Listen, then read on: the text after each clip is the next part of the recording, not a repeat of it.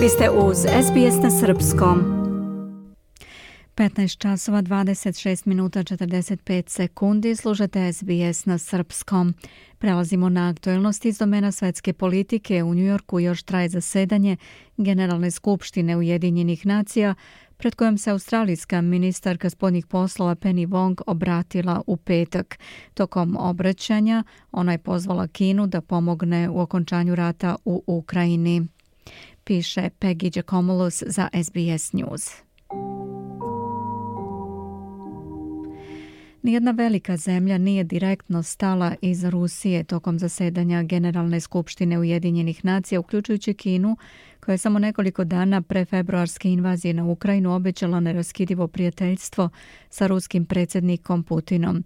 Kina i Indija pozvale su na pregovore o okončanju rata u Ukrajini, čime su istovremeno izbegle i da pruže snažnu podršku tradicionalnom savezniku Rusiji.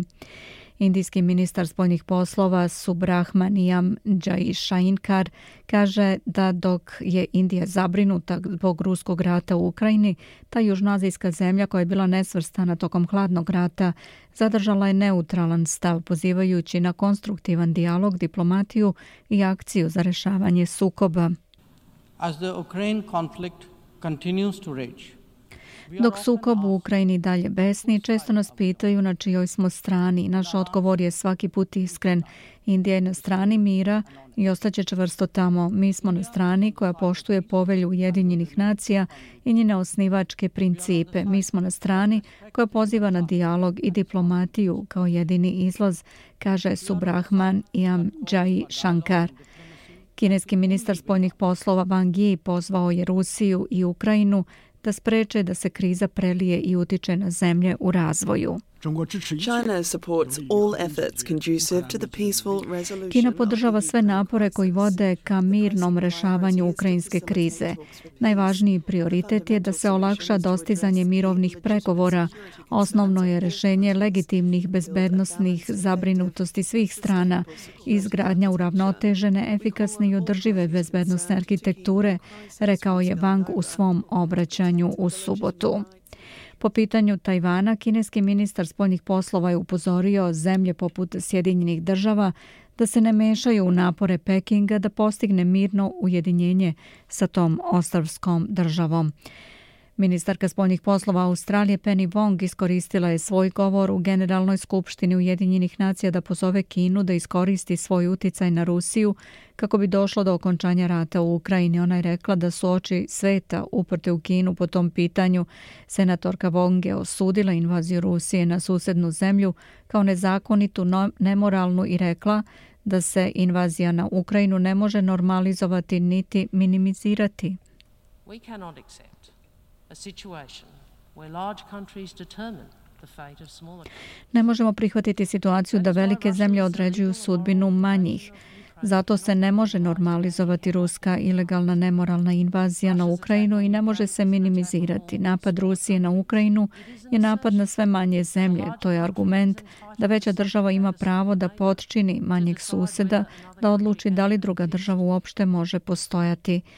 Komentari senatorke Wong usledili su dan nakon sastanka sa kineskim ministrom spoljnih poslova Wang Yiem na marginama Skupštine, tokom kojeg je istakla nedostatak osude ruskih postupaka od strane Pekinga.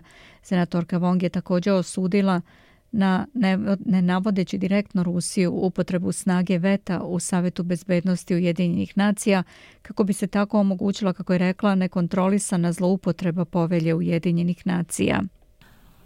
It was never intended that the Security Council veto power. Nikada nije bila namera da se pravo veta Saveta bezbednosti iskoristi da se omogući nekontrolisana zloupotreba povelje Ujedinjenih nacija od strane samih zemalja kojima je dato veto. Tako da je to posebno važno za zemlje koje imaju vodeću ulogu u međunarodnim forumima i zemlje sa uticajem na Rusiju, da upotrebe svoj uticaj da se okonča ovaj rat. U ovom kontekstu oči sveta su uprte u Kinu, veliku silu, stalnu članicu Saveta bezbednosti sa neograničenim partnerstvom sa Rusijom. Nuklearne pretnje gospodina Putina potlače opasnost koje nuklearno oružje predstavlja za sve nas i hitnu potrebu za napretkom u nuklearnom razoružavanju, rekla ona. Australija će također tražiti mesto u Savetu bezbednosti Ujedinjenih nacija jer se zalaže za mnogobrojnije članstvo manjih država nakon što je izrazila zabrinutost zbog prava na veto. To je zabrinutost koju deli novozelandska premijerka Jacinda Ardern. Savet trenutno čine pet stalnih država članica sa pravom veta Kina, Rusija, Francuska, Velika Britanija i Sjedinjene države i deset nestalnih članica, od kojih pet svake godine bira Generalna skupština na dvogodišnji mandat. Moć veta svake od ovih zemalja znači da one mogu da spreče donošenje odluka Saveta bezbednosti da postanu rezolucije, osim ako se sve druge članice sa pravom veta ne slože sa njima. Gospođa Arden je pozvala na ukidanje veta stalnih članica Saveta bezbednosti. The veto initiative gives the whole UN membership Inicijativa za veto daje glas celom članstvu u Ujedinjenim nacijama tamo gde Savet bezbednosti nije mogao da deluje, ali mi nastavljamo da pozivamo na više od toga da Ujedinjene nacije zadrže svoju relevantnost i osiguraju da to zaista bude glas zemalja koje predstavlja. Veto mora biti ukinuta. Stalne članice moraju vršiti svoju odgovornost u korist međunarodnog mira i bezbednosti, a ne u ostvarivanju nacionalnih interesa. Gospođa Wong je također rekla Skupštini da je Australija posvećena delovanju na planu klimatskih promjena i negovanju tešnjih veza sa državama Pacifičkih ostrava, dodajući da je strana pomoć Pacifiku povećana za više od pola milijarde dolara, a predsjednik Vanuata Nike Nike Vurobara Vu pojačava aktivnosti da se svet fokusira na borbu protiv globalnog zagrevanja, pozivajući na sporazum o neširenju fosilnih goriva.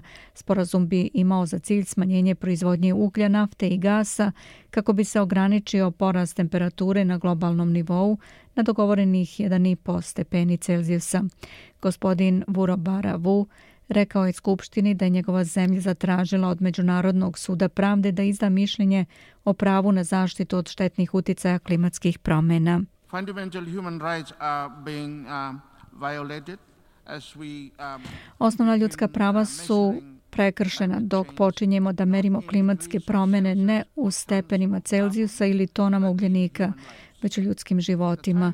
Vreme je isteklo. Sada je potrebna akcija i zato nacije Plavog Pacifika predvode globalnu inicijativu za podnošenje činjenica o klimatskim promenama pred Međunarodni sud pravde, jedini od vodećih organa Ujedinjenih nacija koji još nije dobio priliku da proceni klimatsku krizu, rekao je on. Senatorka Wong je u Njujorku također prisustvovala sastanku ministara spoljnih poslova nacija Quad alijanse, uključujući Sjedinjene države, Australiju, Indiju i Japan. Ministri su potpisali kvad smernice objavljene u maju o humanitarnoj pomoći i pomoći u katastrofama. Generalna skupština Ujedinjenih nacija završit će zasedanje danas, piše Peggy Giacomolos za SBS News. Želite da čujete još priča poput ove?